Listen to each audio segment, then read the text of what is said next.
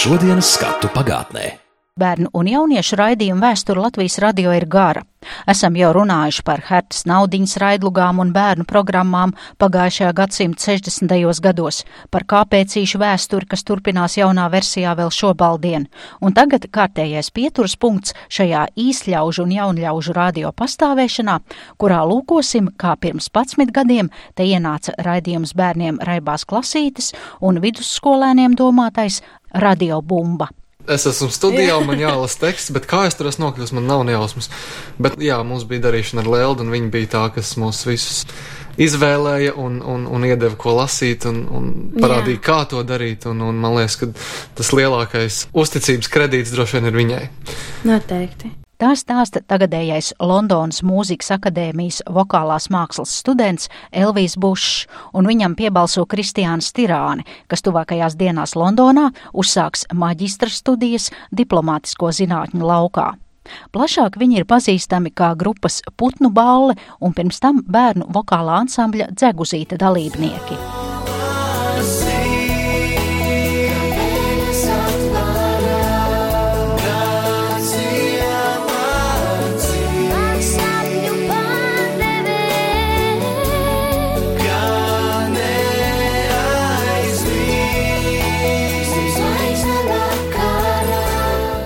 Bet līdzās dziedāšanai un mācībām, savulaik, kad viņus vēl dēvēja par Kiku un Elvi, abi vadīja bērnu raidījumu Raibās klasītes.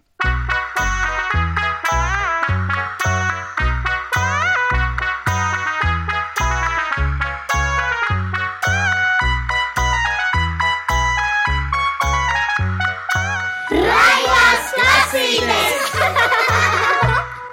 Raibo klasīšu studijā mēs esam mēs. Nē, Labvakar! Un šodien rābies klausīties esam mēs, Elvijas. Un Kristiāna.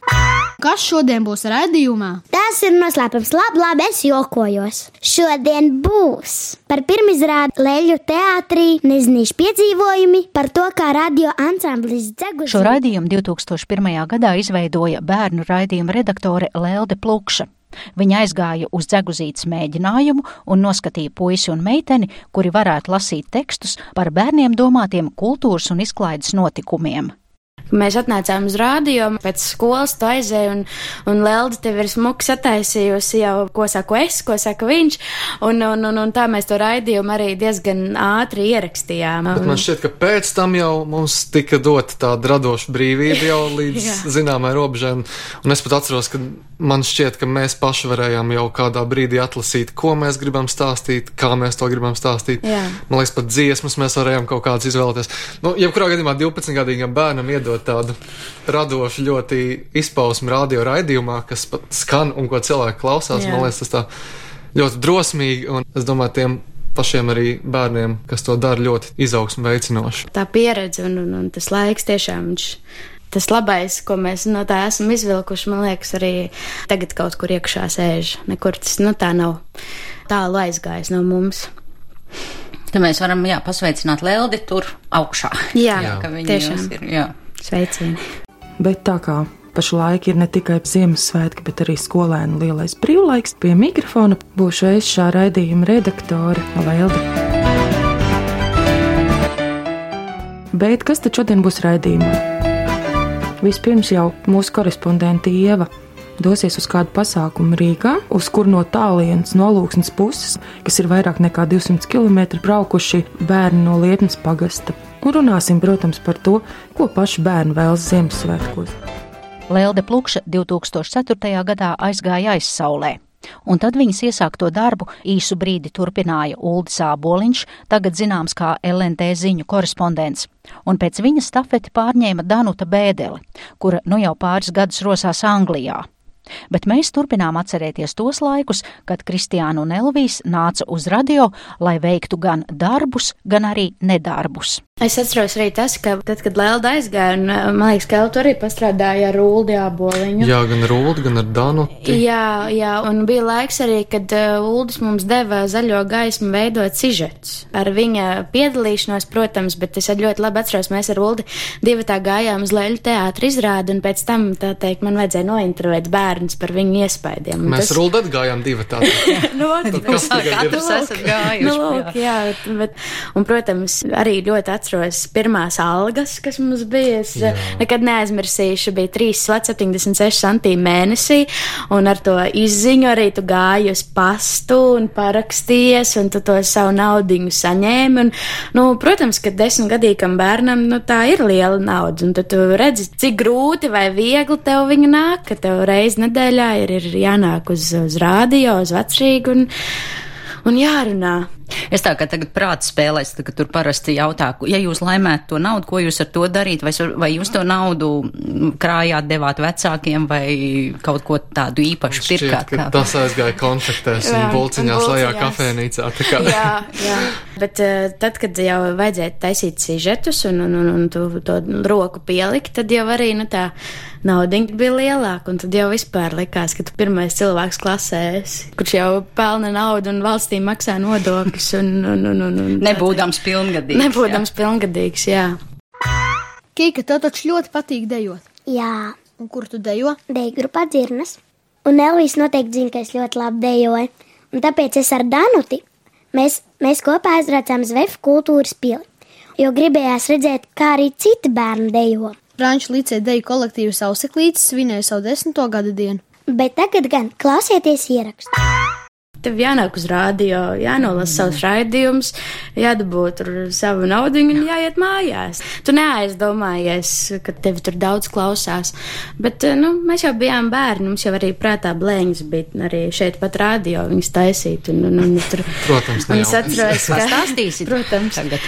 bija kabinetā arī telefons darba Jā, kārtībā. Vai, kam tik mēs nezvanījām? Kam tik mēs, mēs zvanījām, un tur mēs tēlojam, ka mums ir savs rādio, ka mēs no rādio zvanam un, un, un, un, un, un tad mums bija tas, kur ir tā kartotēka, ne, bet tā dziesma visu, visu, visu, visas latviešu dziesmas, un tad mēs maz vai, nu, mēs tagad jums uzliekam tur labvēlīgā tipa, tur tādu dziesmu, un vienkārši fonā uzliekam, un paši beigas smejamies, ka, nu, tikai esam sajutušies kā lielie, kuriem ir savs radio, un zvana pilnīgi nepazīstamiem cilvēkiem. Jūs tiešām zvanījāt, izvēlējāties pēc telefona mēs, grāmatas? Mēs absolūti kaut kā netiešām. Jā, bet mēs... tikai tad, kad Lelda bija izgājis no kabineta, un mēs bijām atstāti savā nodabā. Bet, uh, piezvanāt, un tur kāds cilvēks paceļ, un jūs sakāt, ka jūs jā, esat no rā, ka viņš ir ēterā tagad. Jā. Vai, vai ir kāda īpašā dziesma, vai, vai kaut kas tāds, nu. Bet arī es atceros, otrajā stāvā bija, nu arī tagad, kad mēs sēžam šajā studijā, otrajā stāvā tas kafijas automāts. Man liekas, mēs tur arī tur tos dzērienus ar kodiem sešām teikarotēm cukuru vienkārši, nu tādu, nu, ka, nu tās blēņas, ka rādi, rādio māja mēs gan dzaguzītē, gan arī rādio laikā darījām. Un, un, un viens tāds nezinu, vai tagad to drīkst tā atklāt, bet trakākā blēņa bija, nu, kas īstenībā ļoti, ļoti ir nepatīkams stāsts. Mēs arī stāvējām pie šīs studijas un salikti tie datori, tie procesori ārā, nu, kastes. Mēs kaut ko tur smējamies, smējamies un nedomājamies, vai cik smieklīgi būtu kādai no kastēm piespiest restart podziņu.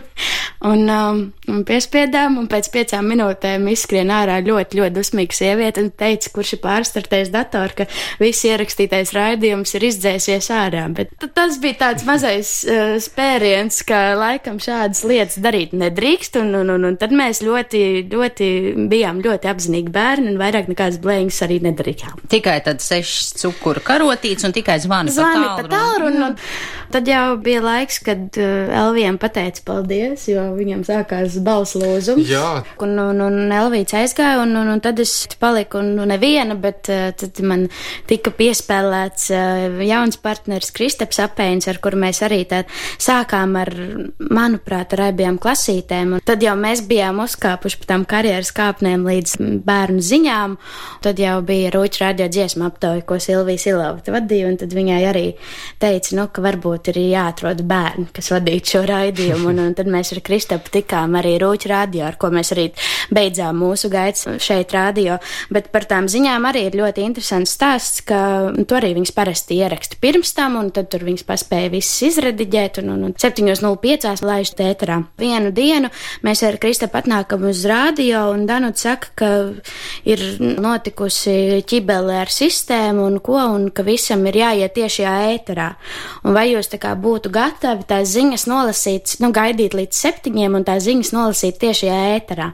Nu, sirds man klauvēja ļoti ātri un ļoti stipri, jo, jo likās, ka, nu, tas tiešais ēters ir pilnīgi kaut kas cits, un pilnīgi tā jau ir, nu, tā jau ir pieaugušo darīšana, un, un, un tad es atceros, mēs tādām trīcošām balstiņām arī to tiešraidi nolasījām, un tad jau āķis bija lūpā, un tad jau katru otrdienu mēs tiešajā ēterā lasījām bērnu ziņas. Tik tālu par darbošanos bērnu raidījumā Raibās klasītes stāstīja Kristiāns Tirāne un Elvijas Bušs. Bet tagad pārlecam pie lieliem bērniem, proti pie jauniešu raidījuma Radio Bumba, kurā varētu uzskaitīt tik dažus no tiem daudzajiem puišiem un meitenēm, kas te apguva pirmos soļus radio žurnālistikā. Tie bija televīzijas cilvēki Zane Peneze un Jānis Krēvits, bijušais Radio 5 direktors Kārlis Dagilis, TV un radio balss un seja Toms Grēviņš, ģimenes studijas vadītāja Agnese Linka un vēl vesela plejādi jauniešu, kuri te guva pirmo rūdījumu, veidojot sižets un vadot raidījumus. Ding, ding, ding, ding, ding, ding, ding, ding. Radio bumba! Jūs neesat mainījušies, jūs esat kļuvuši vēl nevaldāmāki. Man jau bija galvas sāpes ar jums pirms gadiem desmit un vairāk. Nekas nav mainījies. Diez vai. Diez vai, Diez jā. vai, jā. jā. Šī raidījuma autore, atminoties vecos laikus redaktora samatā, sūdzas par saviem padotajiem, par Lindu Rulli, tagad Latvijas radio multimēdijas daļas vadītāju, un Niku Volmāru, producentu un pasākumu aģentūras vadītāju. Tas sākās 1998. gada rudenī, kad ēterā skanēja raidījumi bērniem Raibā otrdiena un skaitāmā piekdiena, ko tolaik veidoja Kaspars Rūklis un Inta Ancāne. Inta ar Kasparu pieaicināja talkā vēl dažus radioaktīvus jauniešus un vidusskolēnus un nolēma, ka pašiem jauniešiem ir jāveido savai mērķa auditorijai domāts raidījums. Pirmais šī raidījuma nosaukums bija Akadēmiskā pankūka un Niks Volmārs un Linda Rulle atceras, kā viņi iekļuva šajā pankūkā. Rādio vispār es nonācu sākotnēji, man liekas, uz raidījumiem, kas bija bērnu raidījumi. Klausījos bērnu raidījumus, piezīmēju Kasparam, pateica, ka man nepatīk, kā viņš to dara. Un Kasparam uh, maz kas zvanīja, un viņam nebija ko aicināts raidījumu no mazajiem. Un viņš izdomāja, ka man tomēr jāuzaicina, jo ja es tā runāju, man nepatīk. Nu, tad viņš man arī uzaicināja, un tā kā es runāju daudz, tad viņš saprata, ka man jāaicina vēl kādreiz, un tā es arī te paliku. Nik, kāds bija tavs ceļš? Es atceros, ka mani uzrunāja šobrīd uh, Latvijas radio ziņu dienas žurnālists Dāca Krējere. Viņa ir um, viņa Ziņu dienesta, zi- ziņu dienesta vadītāja vietniece, jā. Tātad Dāca Krējere, ziņu dienas vadītājs vietniece, uzaicināja mani toreiz, jo es biju ar viņu kopā vienā citā organizācijā, kur ir sapulcējās rinda ar aktīviem jauniešiem. Man liekas, tā doma vai tikai nebija tāda, ka tagad top tas akadēmiskā pankūka jauniešu redzējums, trūkst vēl kaut kādi jaunieši, kuri nekautrētos paņemt rokās mikrofonus, iet uz ielas un taisīt ielu intervijas, kas likās šausmīgi gana grūts uh, izaicinājums, tāpēc, ka Tu esi jauns, tu varbūt esi bijis kautrīgs, nobijies, tev ir vienkārši jāiziet uz ielas ar tādu milzīgu vecmodīgu kasti to laiku vēl, un tev ir jāiet klāt pilnīgi nepazīstamiem cilvēkiem, jāuzdod visādi jautājumi. Un tajā brīdī vēl pats trakākais ir, ka tev ir jāsaka, es esmu no Latvijas rādio. Tas jau skan tā, it kā cienījami. Tad tie tu saki- pārējie nobīstās. Un, jā, un tad tu saki no raidījuma akadēmiskā pankūka. Ak, Dievs, kas tas par nosaukumu? Nu, tur ir zināma drosme vajadzīga. Plus, vēl es saprotu, ka īstenībā tas ir viens no tādiem žurnālistiskiem, tādiem tiešām grūtiem izaicinājumiem. Taisīt tās ielu intervijas, ka te ir klāt pilnīgi nepazīstamiem cilvēkiem. Tas īstenībā tev ir kā jaunietim jāuzdrošinās. Es atceros, ka tu taču atnāci sākumā ar visādām idejām par Eiropas Savienībām, ielu bērniem un citām nopietnām tēmām, kuras tajā brīdī mums jauniešiem likās diezgan uh, aizraujoši nopietnas. Raidījums Radio Bumba - mūsdienīgi un attraktīvi. Labu vakar, kā vienmēr šajā laikā tev saka jauniešu raidījums Radio Bumba. Šovakar ar tevi kopā Niks Valmārs un Signija Miltiņa, un tad darētu noskaidrot, kas šovakar būs radio bumbā. Vai tas ir smags gadījums, kad tava mamma tajā pašā laikā ir arī tava skolotāja? Kāpēc mamma skolā nedrīkst būt mamma, un vai jaunieši var iespaidot mammu, skolotāju? Vēl šovakar uh, tev būs lieliski iespēja iegūt divas balvas radiobumbā, jo būs divi konkursi. Vienā varēs piedalīties visi tie, kuri vēlas apgūt svešu valodu, bet otrajā mēģināsim noskaidrot kaut ko vairāk par alkoholu lietošanu. Bet runājot par alkoholu, jāpiebilst, ka tā patēriņš jaunatnes vidū palielinās. Radiobumbā dzirdējusi sarunu ar kādu meiteni, kura gan dzēra, gan smēķēja, bet pirms kāda laika atmeta šos ieradumus. Kāda bija citu cilvēku attieksme un vai viegli to izdarīt, par to tad sarunā. Bet sākam ar Nika sagatavotajām izziņām.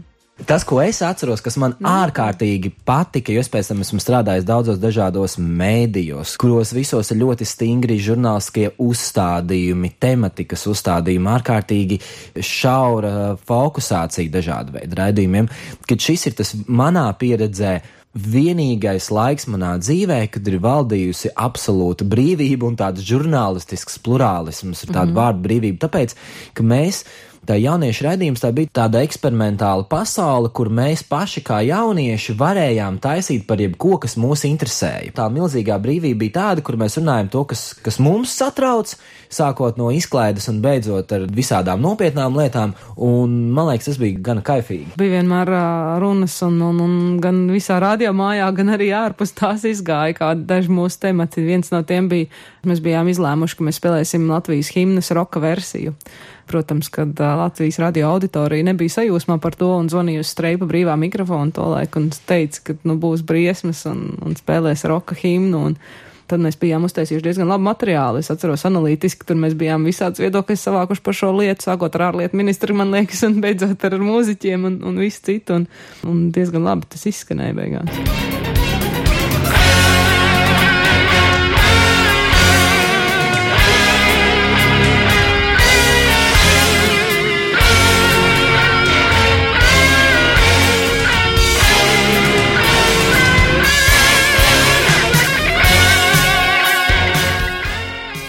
Mūsu sarunai arī pievienojas Dace Krejere, bijusī radiobumbas redaktore, un mēs turpinām atcerēties intervijas tiešajā ēterā, kur tolaik populārus cilvēkus intervēja Linda Rulle un Signija Miltiņa ka uz rādio vakarā dabūt uh, slavenu cilvēku. Tas likās tāds ļoti. Un divas vidusskolnieces pretī ar jautājumu ne tikai kāda ir jūsu mīļākā krāsa un ēdiens, bet jā, jā mēs, mēs, mēs gatavojāmies tam intervijām diezgan nopietni, jā, mēs pētījām to cilvēku un, un tie bija zināmi cilvēki. Mēs lasījām rakstus par viņiem avīzēs un žurnālos. Un... Nevis internetā, starp citu. Jā, to laik nebija. Ka šie rādījumi viss tap bez mobiliem te telefoniem un mātes Google, kad, nu, nebija tādu resursu kā tagad ir. Bet pirmajā daļā literāte Nora Ikstena. Labvakar, Nora! Labvakar!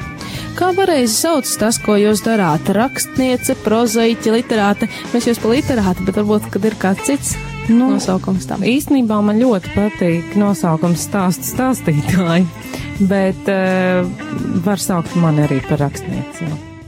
Un tas lielais izaicinājums, ka bija dažas reizes, uz, man liekas, dažas rokas pirkstiem skatāms reizes visajos tajos pāris gados, kad kāds viesis neatnāca. Vienkārši pazuda, nokavēja vai ko, un tā vienīgā iespēja bija saprast, ka Latvijas rādio ir tāda milzīga talantu epicentrs, kurā pa gaitiņiem staigā īsnībā stāri un, un kādu pārķert un, uh, piemēram, slavenu, jā, leģendāru diktoru vai ko, un sēsties pie mikrofona, un tajā brīdī jau sākās lielais izaicinājums, kā šiem pilnīgiem jauniešiem, kur ļoti nopietni gatavojušies interviju ar kādu citu, tagad pēkšņi sākt intervēt cilvēku, kur viņš nebija gatavojies intervēt. Jā. Bet man atmiņā ir palikuši ne tik daudz šie ikdienas raidījumi, bet tieši tie īpašie projekti par to, vai jūs atceraties, piemēram, kā mēs milēnījumu sagaidījām radio studijā, ka tieši radio bumba vadīja milēnījumu sagaidīšanas nakti. Mēs arī atcer... arī bijām. Jā, un... Jūs trīs bijāt ēterā, jā, mums bija vairākas stundas, jā, Sešas. jūs jaunieši bijāt atbildīgi. Jā. Sešas stundas nakts programma arī pēc skolas tas jau bija kā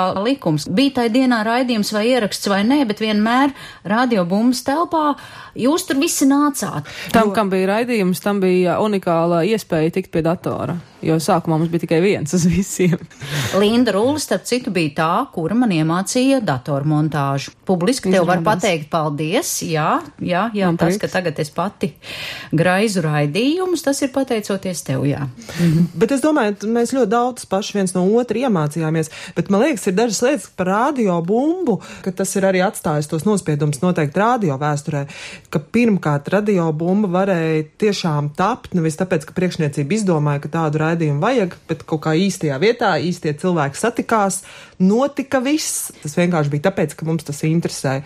Tad man liekas, arī ir tas, ka radio bumba Pēc tam es vairs neesmu, piemēram, redzējis, ka radio gaitiņos kāds spēlētu galda tenisu vai, nezinu, taisītu naktī orientēšanos par radio. Padomājiet, cik daudz cilvēku ir izgājuši caur radiobumbas sienām cauri. Mēs visi zinājām kaut ko par mikrobioloģiju, jo mums bija Mārtiņš Kāls, kurš tajā laikā to mācījās.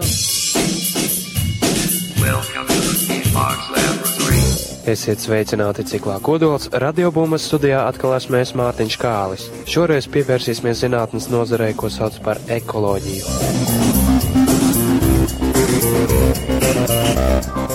Latvijas Universitātes hidrobioloģijas profesors Pēters Cimdiņš ir viens no tiem zinātniekiem, kurus interesē dzīvība ūdenī. Tā jau tikai šķiet, ka ūdeņos dzīvo vien zīvis, ūdensdēles un vārdes. Patiesībā lielākā daļa ūdens iemītnieku ir pavisam sīki, caurspīdīgi un nemanāmi. Zana Dombrovska, Nacionālā teātra aktris, arī kādu laiku ir strādājusi radio bumbā.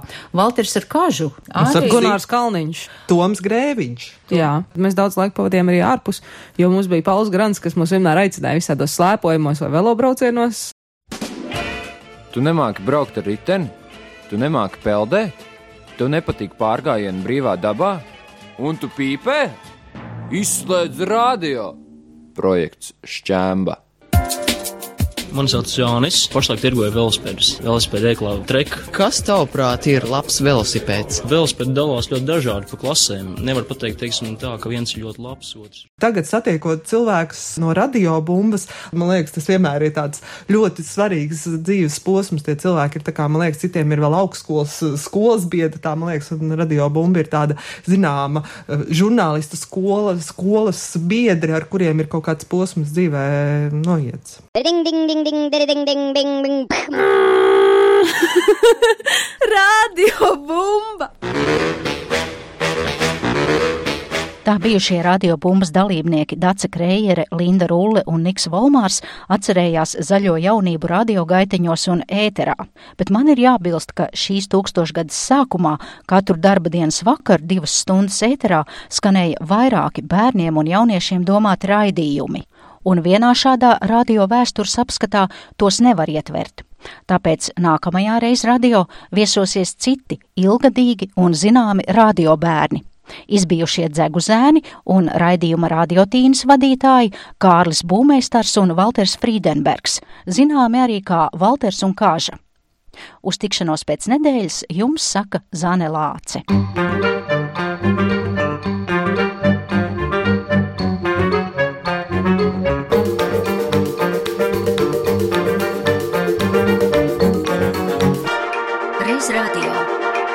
Reiz radio ar šodienas skatu pagātnē.